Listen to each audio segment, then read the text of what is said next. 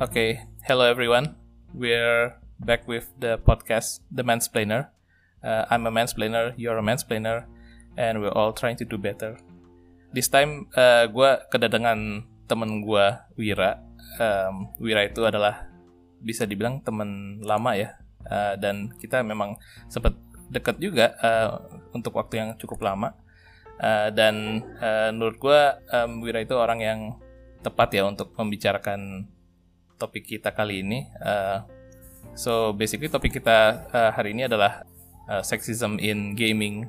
Well, nggak harus spesifik ke gaming, tapi uh, gaming segala macam bentuk gaming termasuk board game, online game, uh, dan mungkin sedikit bersinggungan dengan sports mungkin.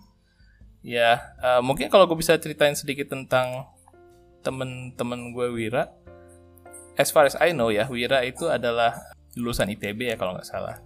Uh, dan uh, if I'm not wrong, he's uh, into energy energy science. Do you call it? I'm not sure. Uh, cuman uh, abis ini mungkin gue akan perkenalkan, uh, gue akan minta do doi per perkenalkan diri. Well, um, yeah, maybe we, can try, um, start our topic today by uh, discussing about uh, sexism in the gaming industry. Uh, Wira, mungkin uh, lu bisa sedikit uh, menceritakan tentang diri lu, um, lu kerja di mana dan ya uh, silakan. Soal uh, gue kerja di SN Indonesia Cerah. Judulnya sih uh, Energy Policy Research ya. Jadi sebenarnya kebanyakan lebih ke kebijakan daripada sainsnya karena sainsnya sebenarnya gitu-gitu aja ada perkembangan tapi by and large kan permasalahan di dunia ini bukan permasalahan fisik tapi permasalahan sosial asik alright um, and sebelumnya um, kayaknya gue kita udah pernah ngobrol sedikit ya Wir dan kayak kenapa gue mengajak lu ya untuk membahas topik ini karena uh, Wira ini um, setiap sab, setiap minggu ya setiap hari Sabtu itu selalu dulu dulu sebelum pandemi sering menggelar yang namanya uh, acara board game gitu ya.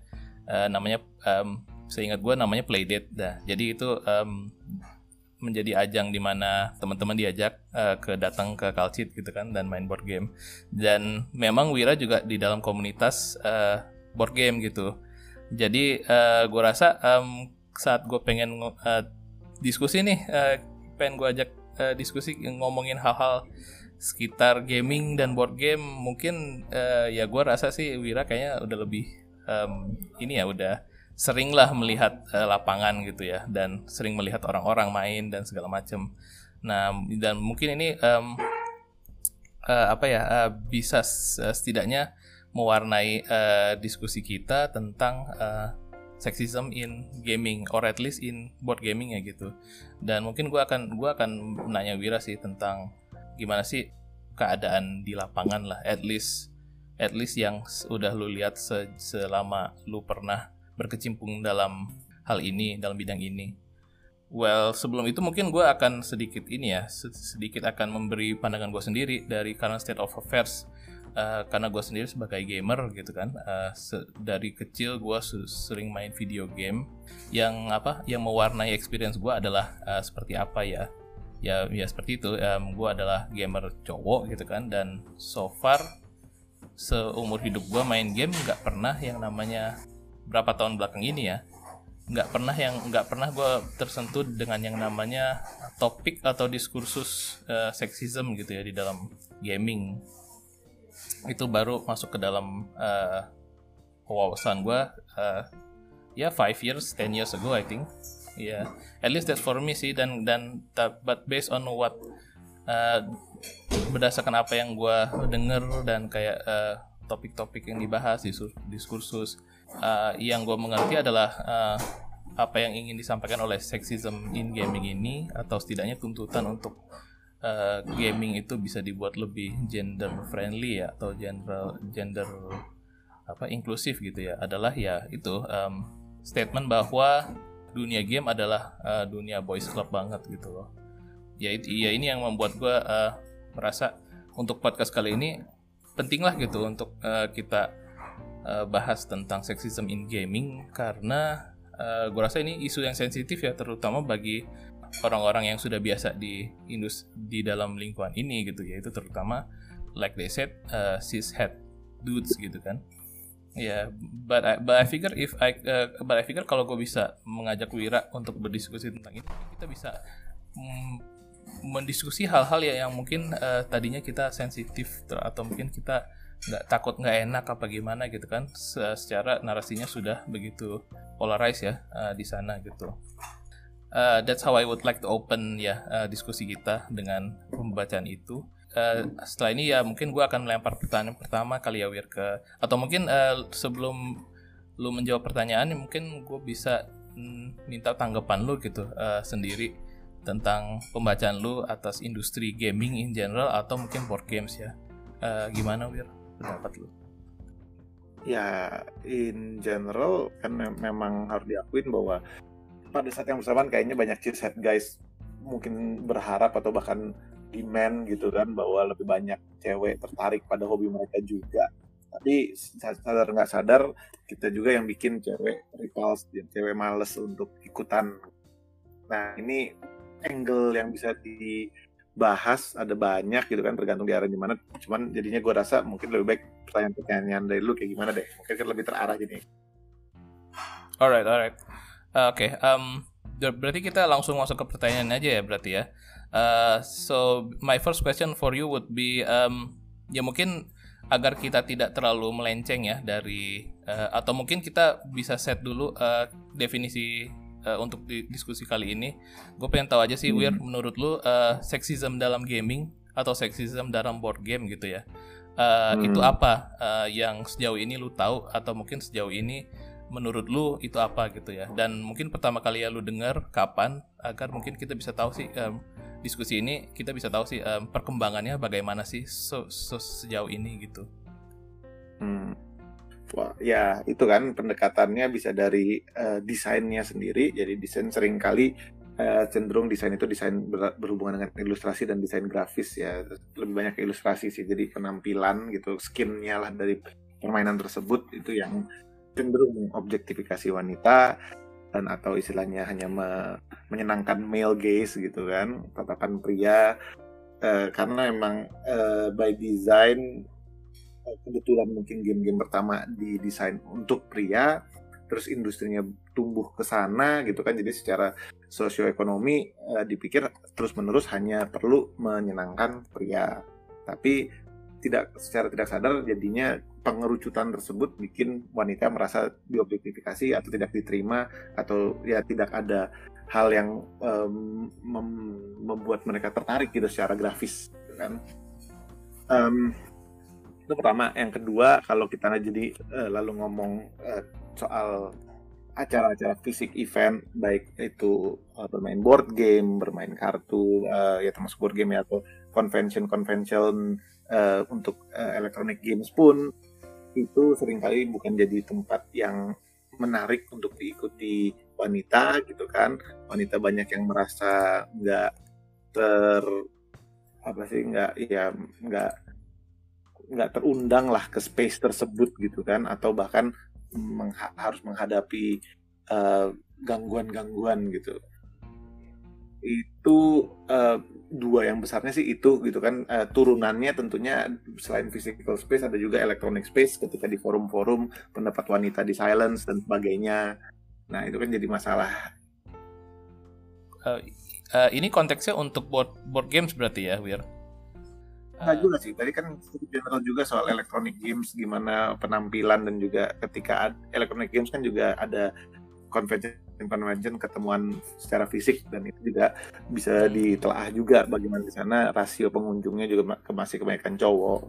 Ya, kalau menurut lu, um, ya ini kan berarti eh, emosi ya, um, berarti memang ada sebuah pemisahan juga ya berarti antara board games yang butuh kehadiran fisik untuk bahkan memainkan gamenya sendiri dengan game hmm. online atau mungkin pada saat zaman itu game yang bisa dimainkan di rumah atau bisa di PC sendiri ya. Ya cuman uh, ini membuat gue bertanya sih kayak apakah seksisme tingkat seksisme justru berbeda ya uh, antara board games dengan game online misalkan? Karena kayak board games membutuhkan lu hadir gitu loh di dalam apalagi board games yang multiplayer ya membutuhkan lu hadir gitu di dalam konvensinya lah setidaknya.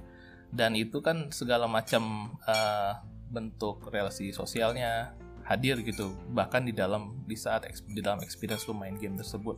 Sedangkan untuk game yang lu bisa main di PS di rumah itu kan bener-bener bubble ya gitu. Kayak cowok anggap aja uh, cowok gitu main game apa game GTA gitu kan. Dengan segala macem hmm. message yang disampaikan oleh game tersebut gitu kan uh, itu steril banget gitu steril banget dengan konteks sosial yang yang dia yang ada di luar sana lah gitu. Langsung dari perusahaannya yang membuat segala macam pesan politiknya lah dalam tanda dalam tanda kutip. Uh, itu langsung sampai kepada si konsumen kepada si cowok ini. Jadi benar-benar diskriminasinya terjadi mungkin kalau gue bisa argue terjadi diskriminasinya di shopnya gitu. Da dari situ yang menjadi pembedanya yang menjadi apa penyingkirannya lah gitu. Uh, saat mungkin di GameStop misalkan atau misalkan di apa di, di toko DVD bajakan gitu kan DVD game bajakan gitu. Di situ kayak udah kelihatan oh, nih toko cowok banget. Itu yang membuat cewek-cewek mungkin nggak nggak datang gitu. Dan oh ini memang space-nya cowok gitu kan. Itu at least untuk DVD cuman dengan lebih maraknya game online sekarang kayaknya dan apalagi multiplayer ya kayaknya replicate juga tuh atau cum, tapi cuman level atau mungkin uh, bentuknya beda ya gitu. Dibandingkan dibandingkan uh, papasan fisik secara papasan fisik secara real gitu ya meet space gitu. Uh, oleh pemain board game dengan pemain online gitu kalau main multiplayer gitu kan. Mungkin mirip gitu uh, masih sangat kental presence boys clubnya tapi mungkin nggak se nggak se real dan se dalam tanda kutip threatening gitu ya dengan uh, space-nya board games Well, ya, ya dan tidak sih, maksudnya kan harus dilihat juga jenis board gamenya gitu, nggak bisa diambil secara global, da, global dan permasalahan soal shopfront itu soal uh, physical space tadi gitu kan, bukan hanya di convention tapi juga di shopfront, apalagi untuk game seperti board game yang membutuhkan lokasi fisik. Itu sebenarnya masih terjadi, tapi emang ada kecenderungan juga uh, harus melihat kulturnya sendiri gitu kan, dan juga uh, jadi kultur pemainnya, kultur sosialnya, dan juga uh, jenis game yang diproduksi uh, pembagian gampangnya istilahnya kalau di board game itu ada Euro games gitu. Euro games cenderung lebih uh, lebih apa ya lebih strategis lebih taktis uh, cenderung family friendly dalam artian pada umumnya dia uh, pertarungannya tuh indirect gitu. Kita nggak bisa langsung menyerang dan merugikan lawan tapi kita bisa mengambil langkah-langkah yang ngeblok gitu kan kurang lebih. Um, atau uh, maksudnya lawannya tuh Ameritrash biasanya Ameritrash adalah game yang banyak dice rolling game yang langsung uh, menyerang lawan gitu dan sebagainya gitu kan? Uh, itu dari jumlah pemainnya bisa dilihat ada kecenderungan beda gitu. Karena juga dari kulturnya ketika orang main board game di Eropa misalnya mereka cenderung kultur keluarga main bersama keluarga main bareng-bareng gitu kan. Sementara kalau uh, yang Ameritrash cenderung banyak dice rolling, cenderung wargaming itu wargaming cenderung banyak dice-nya, cenderung game-game seperti Magic yang banyak take death-nya, banyak menyerang langsung gitu kan. Itu ke kecenderungan didominasi oleh pria memang harus diakui. Hmm. Uh, jadi memang uh, kita kalau mau ngebahas itu mau uh, ngulik ke arah sana ya kita harus mengulik baik dari uh, dis, gimana desain mekanik dan desain grafis dari permainan bisa mengundang atau meripel uh, pemain dari gender apa pun uh, dan juga desain shop frontnya bagaimana gitu kah? Karena desain shop front itu juga desain virtual dalam artian walaupun ada shop front fisik dan ada kecenderungan shop front fisik itu lebih banyak didominasi oleh game-game yang cepat uh, pertukaran ekonomi ya cepat dibeli dan jual. Dan jadinya uh, itu trading card games TCG itu contohnya Magic, Pokemon dan sebagainya. Itu ada kecenderungan jadi didominasi oleh pria karena juga desain grafis dan desain ilustrasinya cenderung heroisme ala-ala pria itu soal uh, take that soal uh, pukul-pukulan kasarnya begitu kan? Dan juga uh, oleh karena uh, perputaran ekonomi yang cepat jadi cenderung uh, sering, lebih sering diadakan malam-malam untuk TCG jadi uh, shop tersebut akan mereserve tempat yang cukup signifikan untuk pemain TCG tapi sebenarnya jika shop tersebut atau cafe atau pokoknya place space tersebut juga sudah uh, punya klientel yang lebih banyak dan juga uh, bisa mengatur secara virtual uh, urus apa sih ya aturan-aturan uh, bukan aturan ya aturan permainan di dalam sana dan juga tahu lah bagaimana cara me menyenangkan klientel mereka. Tentunya mereka akan mengadakan uh, hari malam-malam khusus gitu. Soal uh, Euro Night gitu kan. Euro Night jadi uh, malam itu uh, kalau orang bermain Euro gratis dan atau sebagainya uh, itu bisa mengundang klientel yang lebih uh, berbeda. Tapi memang ketika kita melihat di Indonesia sendiri misalnya karena kultur bermain board game belum segitu kuatnya ya. Kalau uh, di Amerika dan di Eropa mungkin kultur bermain board game juga uh, berkembang karena uh, di malam-malam dingin uh, winter gitu kan keluarga sama-sama terus ya daripada bosan yuk main main bareng gitu. Kalau di Indonesia mungkin uh, tidak sempat berkembang begitunya gitu. I see. Gue udah mulai menangkap sih. Uh uh, jawaban pertama lu um, menyebut kalau ini tuh masalah desain ya karena kayak berarti memang gaming ini harus dipandang apa board game ya setidaknya harus dipandang sebagai apa ya sebagai atraksi kalau kalau bisa bisa kalau for lack of better word ya kayak semacam atraksi ya gitu dan kayak sudah sudah langsung gitu mensinyalir kalau ini itu adalah tempat dapat tempat di mana uh, cowok-cowok nih yang harus ya yang ini tuh memang tempat untuk cowok-cowok gitu. Benar nggak sih? Ya, ya cenderung begitu kan. Lagi-lagi itu kan ada persepsi dari desainer dan juga dari shopnya gitu soal klientel apa yang mereka mau uh, attract dan atau mungkin akan bisa di attract dengan lebih mudah cenderung kan gitu okay. karena malas berpikir ya udahlah ah ini gampangnya dijual ke cowok ya udah dia hmm. advertisingnya segala macam mikir oh ini yang akan disukai cowok gitu jadi aman nggak sih kalau gue bilang uh, sebenarnya salah lebih bes apa blame yang lebih besar itu ada pada developer ya dibanding sama player base itu sendiri.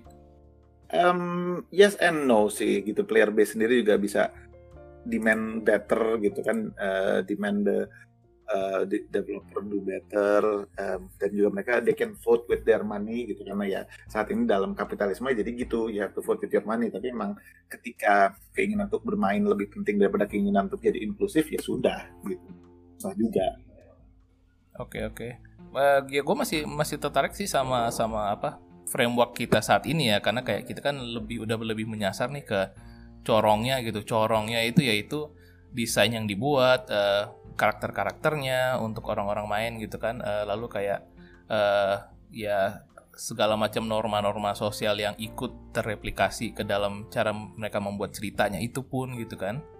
Ya ya gue pengen cuma pengen tahu aja sih um, se, lu sendiri sejauh apa yang lu lu tahu ya Wir? Um, I mean like gue nggak tahu apakah lu sempat digging lebih dalam gitu tentang kayak berapa uh, company gitu dan dan mereka itu developernya seperti apa, desainer seperti apa, mereka datang dari background seperti apa, komposisi ya begitu sih. Cuma I mean like um, would you mind if you share like uh, your findings gitu?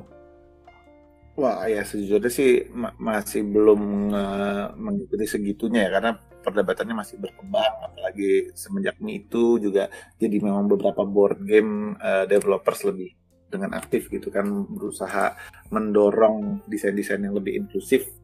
Tapi itu uh, gue juga nggak ngikutin segitunya. Kadang-kadang kalaupun mereka ngadain apa uh, ngadain uh, podcast gitu segala macam juga uh, ya nggak bisa uh, gue ikutin semuanya juga. Tapi um, niatan ke arah sana udah ada. Paling nggak people professing to be me too gitu kan to be pro me too juga udah ada uh, soal efeknya gimana hasilnya gimana uh, board game yang keluar apakah sudah lebih inklusif dan sebagainya. Um, yang gue tahu sih yang kelihatan gitu dan dari developer Magic sendiri ngomong ini evolusi 30 tahun gitu kan bahwa ya mereka udah uh, overt sexualization uh, jadi gambar yang overtly sexual mem memang sudah mereka hindari gitu kan itu pun tentunya banyak juga pemain Magic yang sempat uh, outroar juga tapi ya sudah developer bilangnya ngapain juga masih kalian juga tetap akan main game ini. Tanpa itu jadi yeah. uh, dari kalau ketika developernya put their foot down dan berani gitu kan ya menang kok gitu. Ya, maksudnya they, they have that power gitu. Dan orang mau komplain gimana pun juga kayaknya gue nggak nggak ngeliat angka-angkanya sih. Cuman Magic uh, numbers are still rising it seems uh, sales and everything. So kalaupun ada yang rage quit kayaknya nggak segitu efeknya Nah itu kan yang kelihatan aja. Maksudnya kan banyak dari hal kayak gini nggak kelihatan dan uh, we have to fight in the trenches itu. Kita harus ngelihat dari shop ke shop gitu. Uh, shop-shop di Indonesia sendiri juga um, kalau melihat board game shop ya uh, cenderung di Indonesia yang lebih ramai adalah board game cafe dan ketika board game cafe karena Indonesia masih sering sukanya uh, guyup gitu kan kebanyakan game yang dimainkan masih game ringan game yang take that game yang sosial jadi cenderung uh, lebih uh, potensi inklusifnya masih ada gitu kan dan bisa dilihat uh, bahwa ya udah cewek-cewek juga tertarik main. Bahwa itu lebih lebih banyak atau enggak dan ataukah sudah berbeda dengan sebelumnya? Wah gue nggak tahu. Gue belum datanya uh, baru baru apa istilahnya baru uh, baru fenomenanya baru fenomena uh, pengamatan individu gitu ya. Belum ada riset mendalam tentang itu. Tapi ya uh, bahwa masih ada board game cafe yang buka bahkan dalam pandemi dan masih ada usaha-usaha untuk meningkatkannya should be a good sign. Uh, it seems to be inclusive tapi kalau melihat dari um, ada kecenderungan kalau board game uh, shop sendiri ketika mereka ngadain acara itu masih cenderung uh, eh, LCG atau TCG gitu ya TCG fokus dan itu cenderung banyak cowoknya dan juga kalau ngelihat bahkan ketika mereka ngadain Euronight tapi karena itu di sebuah board game shop uh, untuk mengundang wanita tuh harus uh, ada effort khusus gitu kalau board game cafe kelihatannya masih lebih terbuka ya jadi kayak gitu memang soal cocok-cocokan saya rasa dan kalau memang mau ditingkatkan dan the the market is there arguably tapi emang harus berani berusaha lebih kuat aja. Oke. Ini mungkin bisa sekalian kita bridge ke kepada uh, pertanyaan berikutnya dan uh, tapi mungkin uh, gue mungkin uh, akan sharing juga sih thoughts gue tentang apa ya uh, apa sudut pandang gue sebagai uh, lebih ke online multiplayer gamer ya. Karena kan gue dulu kan sempet jadi hardcore gamer Dota ya. Uh, mobile or competitive games at least gitu. Dan kayak uh, dari yang gue ikut gitu uh, secara sosial gitu kan. Uh, memang uh, ya obviously there is a sexism problem in games like Dota and MOBA tapi yang hmm. mungkin secara spesifik bisa dilihat dari jumlah pemain uh, atau jumlah tim perempuannya gitu. Uh, baik itu CS, Dota segala macam dan ya uh, I wouldn't want to say uh, bahwa gua, uh, mungkin gua nggak akan bilang kayak uh, dalam uh, dalam semangat wokeness bahwa oh kurang uh, tim cewek. Tapi kayak literally gue bener-bener bingung gitu kenapa sih uh, tim cewek itu sekalinya ada kayak cuma satu dua dan ketika ditelusuri antara itu cuma marketing gimmick atau mungkin ada banyak problemnya dan kayak gue merasa kayak uh, player base itu sendiri uh, yang begitu menghambat nggak sih sampai membuat uh, karena gue karena gue tahu gitu uh, I mean like mungkin gue nggak melihat dengan mata gua, mata kepala gue sendiri tapi gue tahu kalau uh, skillnya player cewek itu pun uh, bisa lah gitu. Maksudnya bisa menandingi gitu uh, apalagi kalau dalam satu tim gitu mereka bisa banget compete gitu. Bahkan kalau nggak mau dibikin mix gitu ya cowok lawan tim cowok all all male team lawan all female team kalau itu benar-benar murni all female team juga gue rasa bisa banyak gitu loh bisa banyak yang muncul kayak gitu gitu. Itu at least ya, at least gue yang rasa salah. Ya. Iya, maksudnya kalau main board game, board game yang very thinky, very euro istilahnya, hmm. dan ataupun juga board game yang uh, area kontrol ya, yang semi semi mikir tapi juga semi semi uh, apa uh, war game gitu. Um, cewek tuh bisa menang gila-gilaan masih dan bisa menang jauh banget gitu uh, eh, gue kenal pasangan suami istri uh, almarhum temen gue wah itu istrinya kalau udah main Euro udah nggak ngerti lagi dibantai orang gitu kan pinter banget gitu ya, ya emang cocok-cocokan aja dan nggak uh, ada alasan wah uh, cewek lebih bodoh atau apa? Enggak. Temen gue programmer istrinya uh, marketing mar bukan marketing juga uh, community manager lah. Sebenarnya kalau uh, dihitung istilahnya brain cells untuk ke kegiatan sehari-hari arguably temen gue lebih pinter gitu kan kalau ngeliat dari uh, itunya juga apa sih gelar uh, dokter bla bla bla segala macam. Iya temen gue lebih pinter. Tapi bukan berarti istrinya nggak bisa ngalahin dalam Euro yang benar-benar mikir juga gitu kan. Cara berpikir dan kemampuan berpikir orang beda-beda gitu dan game itu allows us to look into that difference and appreciate it dan it's okay gitu menang kalah gitu kan. Ya memang kita menghadapi uh, puzzle yang sama kurang lebih tapi kita eh, mencari siapa yang bisa menyelesaikan puzzle dengan lebih efisien. Dan dalam hal ini cewek nggak berkekurangan sama sekali. Nah bahwa mereka kurang tertarik untuk compete kurang tertarik untuk um, untuk koleksi trading card game segala macam ya mungkin juga soal preferensi gitu kan. Mereka mungkin uh, memilih hal-hal yang lebih berguna gitu. Karena trading card game gunpla gitu gitu kan dianggap ini apa sih gunanya gitu. Uh, tapi kalau mereka menemukan waktu untuk bermain game yang tidak harus beli-beli terus tapi ada satu main game yang oh ini bisa geli-geliin uh, pala dikit geli-geliin otak dan ini main dengan orang yang menyenangkan atau grup yang menyenangkan orang yang disayang atau apa dan asik itu berinteraksi berkomunikasi dalam media game dan itu menyenangkan bagi mereka uh, ya mereka juga akan beli kok board game board game yang mahal gitu tapi memang soal experience-nya gitu. Kalau pria itu mungkin malah kita sebenarnya lebih uh, otak kita lebih lebih rendah gitu. Kita ngelihatnya oh ini materinya aja. Oh materinya menyenangkan gambarnya bagus. Itu aja yang dilihat gitu instead of fungsinya apa gitu kan. Kan lucu jadinya. Ya yeah, ya yeah. good point sih terkait yang um, ternyata uh, perempuan menjadi konsumen yang yang yang berbeda ya dari daripada laki-laki. Cuman uh, eh, gue pengen balik ke poin ke ke ini sih uh, bahwa tentang saat di saat lu ngomong tentang temen lu, uh, I mean walaupun ini secara anekdotal ya kayak uh, ada loh gitu kayak pemain perempuan yang bisa uh, domi mendominate malah mendominate the gameplay gitu uh, dan kayak gue juga I share this belief juga gitu uh, bahwa kayak it there's more than meets the eye gitu loh kayak kita melihat bahwa um, kayaknya gersang banget sih gitu dunia gaming gitu. Uh, gersang banget gitu big face banget gitu kan. Padahal kayak they're out there gitu cuma mungkin entah entah gak kelihatan atau enggak mereka yang nggak mau menunjukkan diri atau entah mereka menyamar kan kita nggak tahu. Nah but that brings me to back to my to, to the question the previous question ya terkait kenapa sih di turnamen game gitu um, terutama turnamen yang high testosteron banget ya atau mungkin bukan high testosteron tapi lebih high high kompetitif gitu kan tadi lu uh, poin lu adalah sebenarnya nggak ngaruh uh, mau itu gender segender apa pun kalau udah masalah kita take that dan kayak kita serang-serangan bantai-bantaian itu nggak ngaruh gitu. Kalau orang yang emang udah kompetitif ya udah kompetitif dan dia akan mendominasi. Cuman itu kan tidak terefleksi ya di dalam komposisinya gitu dalam komposisi tim-timnya uh, yang membuat gua bertanya karena I'm really in the dark here juga gitu kan kayak apakah memang ada sebuah kayak semacam sinister forces gitu ya?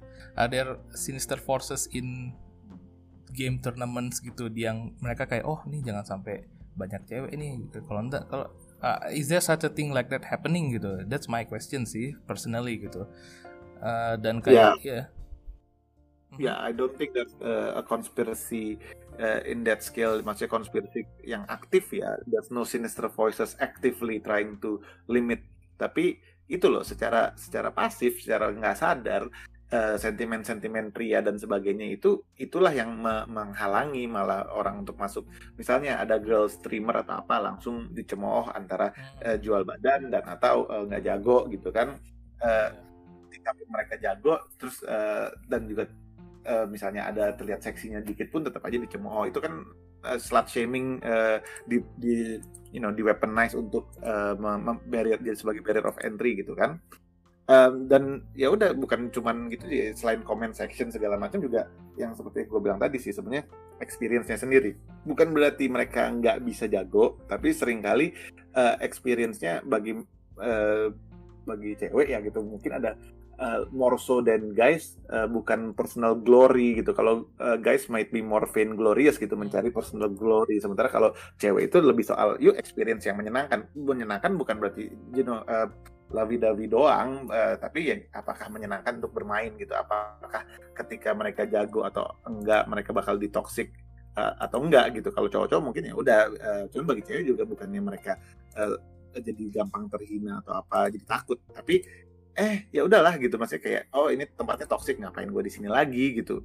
Uh, dan maksudnya to be honest banyak juga kalau sebenarnya cowok cenderung lebih thin thin skin gak sih sebenarnya kalau ngelihat uh, comment section in general gitu ya. Of course this is not scientific tapi cowok banyak banyak juga yang thin skin tapi uh, ngejek-ngejek bahwa cewek yang thin skin emosional segala macem. Eh I think internet kan has disprove that kan. Yeah, tapi yeah. ya itu by by by design dari uh, kalau misalnya gue pengen ngadain uh, khusus nih gitu kan turnamen uh, eh, ML gitu kan atau turnamen Mobile Legends lah yang semua orang main atau PUBG ya ya khusus buat uh, cewek ya bisa aja gitu tapi emang harus niat gitu loh. I see, I see. Jadi jadi semacam beban ganda ya kalau lu benar-benar mau itu itu menjadi sebuah uh, batasan ters uh, rintangan tersendiri ya jadi kayak tidak segitu nggak sebanyak nggak sesedikit cowok gitu kalau sedik ketika lu melihat uh, turnamen ML misalkan turnamen Dota atau ya tuh lebih kayak, uh, mungkin lebih simpel ML ya karena dia mobile gitu kan ya like mm -hmm. literally all you need to do is just like uh, lu, lu uh, apa yang lu harus lakukan uh, hanyalah satu suka gamenya dua datang gitu doang gitu kan yeah. uh, sementara kalau kalau misalkan cewek ya lu ada lebih banyak lagi kayak prerequisite yang tak terlihatnya gitu but uh, going coming back to your point tentang ini ya tentang atmosfer sendiri gitu kan uh, segitu banyak laki-laki uh, yang datang ke suatu event segala macam dan dan segala macam apa ya uh, interaksi lah gitu interaksi baik antar so, antar individu maupun antar kelompok gitu kan yang terjadi hmm. seperti kayak slut shaming dan uh, um, maybe the most prevalent adalah um, ini ya langsung underestimation gitu ya uh, hmm.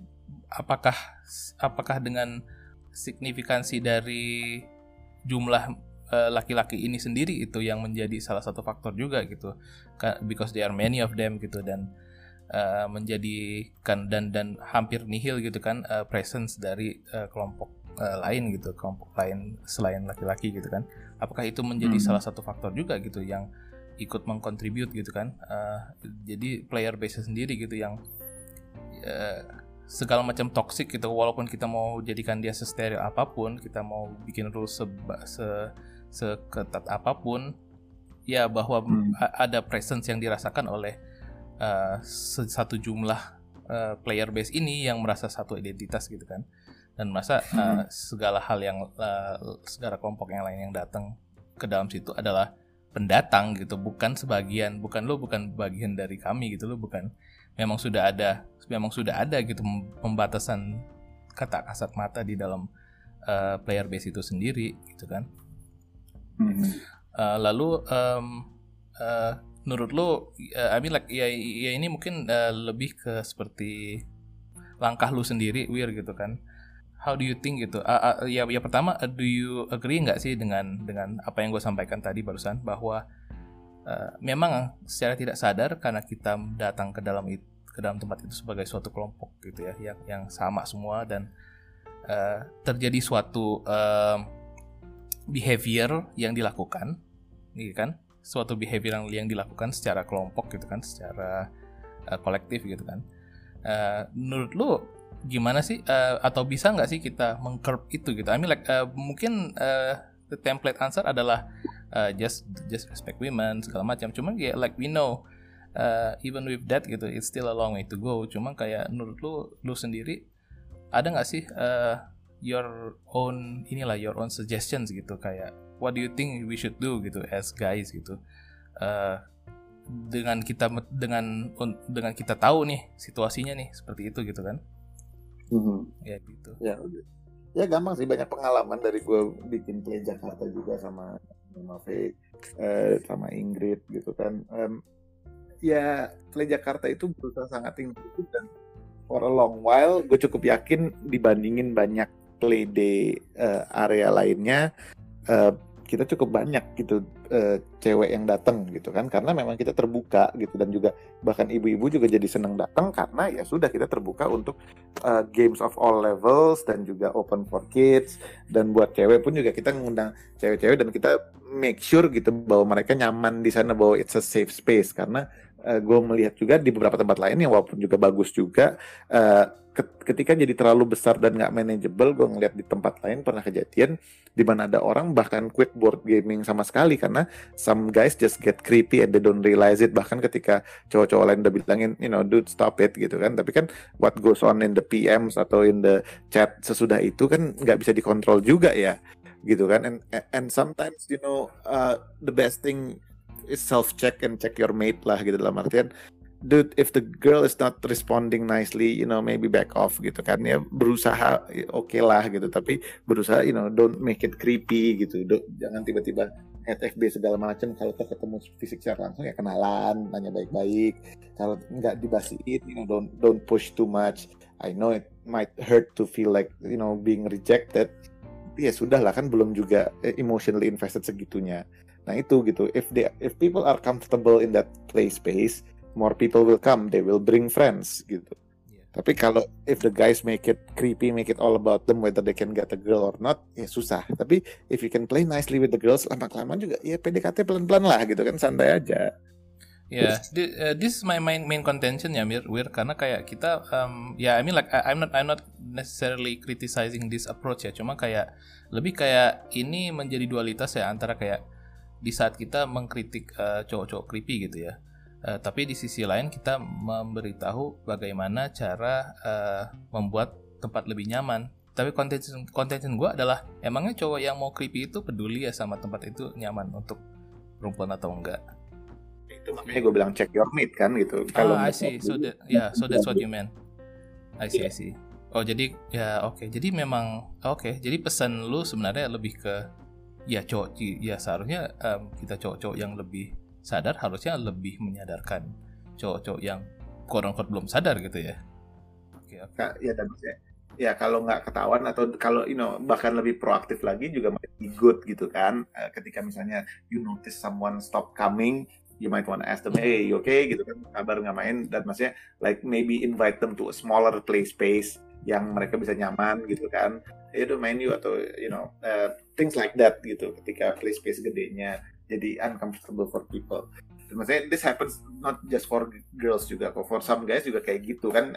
dan emang cocok-cocok kan gitu. Tapi if you want to build an environment that is conducive uh, ya udah harus ngerti cara manage-nya it's hard it's it's a constant struggle tapi you it's doable dan oh girls can be such good players maksudnya of course masih anekdotal tapi in general if you can find a, a game that you know people are interested in to play in dan terus ada double blind test on how well they do I'm sure they are you know on average you take a thousand girls a thousand guys sama aja jagonya sebenarnya there's no reason, no, no real, you know, biophysical reason that they can't train to be as good as we are in any game. Oke, okay. itu um, ini yang bagus sih, Amin. Uh, jawaban yang bagus sih, karena kayak gue jadi mendapat gambaran besar ya sih kayak uh, dengan tadi kita sudah ngomongin tentang dari sisi industrinya, dari sisi developernya, itu pun sudah ada uh, inilah sudah ada sesuatu yang sudah bergulir gitu kan dan dan saat dia turun-turun ke ke konsumennya saat kita pemain bermain dan kayak kita mencari tempat untuk bermain itu pun uh, dia masih bergulir sampai ke sana gitu kan dan dan gue paling suka sih jawaban lu tentang kayak we just have to ya satu memang saat kita oversee ya sebagai ya mungkin lu sebagai uh, organizernya board game cowok gitu kan you have that power gitu kan dan you have that responsibility and you you feel compelled to to about to be responsible gitu kan dan kayak uh, memang mengeluarkan energi yang lebih aja gitu kan untuk uh, check up gitu. Jangan sampai kayak ah ya udahlah biarin gitu kan. Uh, basically hmm. itu kan that that's what you're you're you're uh, arguing for kan. Kayak jangan hmm. ya just don't jangan dilemparkan aja udah amat gitu kan. Tapi lebih kayak kalau bisa masih ada dan energi lagi untuk lu, lu kejar untuk lu tanyakan ya lakukan. Itu dari level uh, organizernya. Lalu bisa diturunkan gitu kan ke uh, hmm. ke playernya sendiri teman player-player yang yang mungkin masih belum melek ya ya mungkin eh, nggak uh, apa-apa. Cuman untuk yang sudah melek ya mungkin mereka bisa gitu bisa diajak gitu kan untuk uh, iya uh, ikutilah contoh gue gitu. Kayak um, uh, kalau lu ngerasa ada yang nggak beres ya nggak ada salahnya gitu. Yeah. lu lu lu bertindak gitu. Ya kalau ternyata nggak apa-apa ya udah uh, uh, ini gitu kan. Hmm. ternyata bukan apa-apa. Tapi kalau ya uh, harapannya jangan sampai gitu kan dan dari situ gue rasa kayak ma ma masih bisa. I mean like itu kan baru sampai level di lu gitu kan. Lu sebagai organizer ya. Gue rasa kalau kita memang mau ini pro jadi project lebih besar bisa di di uh, lawannya dikerucutin apa ya di diluaskan lagi gitu ke atas lagi gitu kan. Jadi uh, kita nih community-nya uh, melakukan ini uh, sebagai player base lu yang memberi income revenue ke, ke perusahaan lu uh, dengerin kita dong dan kayak ini realitanya nih gitu uh, jangan cuma bikin game doang gitu kan ibaratnya gitu kan. Uh, tapi dengerin uh, realitas di bawahnya gimana. Uh, I think uh, that's what I got from your response sih. Uh, ya, gimana menurut lo ya it takes a village aja gitu. Masih kalau emang mau membangun ya membangun nggak gampang gitu kan. Dan you need to you know you get as much as you put in gitu. Oke okay, oke. Okay. ya ini sih um, ya menarik sih uh, dan dan uh, well, I don't know ya. Um, we, we could talk uh, about a lot of things ya, apalagi terkait uh, hal yang yang kita udah bahas tadi. Cuman uh, I think it's it's kind of in, enough sih untuk uh, at least uh, untuk yang mendengar ya. Uh, kira-kira um, the the uh, my clothing thoughts on this uh, tentang kayak how do we uh, how do we actively participate ya gitu untuk uh, uh, ya maksudnya kan daripada kita bingung gitu kan uh, walking on eggshells dan kayak kita nggak tahu uh, harus uh, ofensif atau tidak mungkin ini mungkin diskusi kita kali ini bisa lah memberi sebuah apa ya sebuah langkah pertama lah gitu bagi teman-teman teman-teman cowok uh, terutama yang ngerasa pengen melakukan sesuatu lah gitu pengen lakukan sesuatu atau mungkin pengen mengimprove uh, mengimprove uh, cara mereka bermain gitu aja sih but anyway um uh, I, I think ya yeah. but anyway um thanks banget sih untuk uh, diskusi uh, kita kali ini Wir uh, maybe do you have any closing thoughts uh, atau mungkin do you have some uh, ada pesan yang ingin disampaikan terhadap orang-orang yang uh, bermain di board game atau di gaming in general atau mungkin cowok-cowok yang masih uh, tertarik ke gaming gitu? Yeah, well, in general, I think a larger player pool will be better for everyone. So just make people feel welcome because otherwise, if you don't, you know, if you're toxic in an online community and people leave the game, and then you might end up with a game that has not enough players to even have a five by five match, and then you you'll have to stop playing the game. So you know, eh, it doesn't take much to be kind. Doesn't take more than it is to be toxic. Just be kind, make people want to play, and you'll have a nice time playing. Okay. Alright. Um, anyway, um, thanks for your time, Wir. Ya, um, kayaknya uh, berhenti podcast di sini. Ya, mungkin closing thoughtku sendiri adalah, uh, well, you heard it from the man himself. Uh, um, mungkin orangnya sudah uh, cukup lama ya gitu melihat uh, uh, sudah mengorganize uh, board game dan kayak ya jangan jangan takut lah gitu untuk uh, kalau lu merasa ada sesuatu yang tidak adil dan segala macam ya jangan takut lah untuk uh, melakukan sesuatu gitu aja sih. Uh, well, uh, thanks Wir. Kalau gitu um, mungkin kita berhenti di sini aja gitu ya. Uh, have a nice day. Tip, thank you Bal. Have a nice iya, day. Yo, dadah semuanya. thank you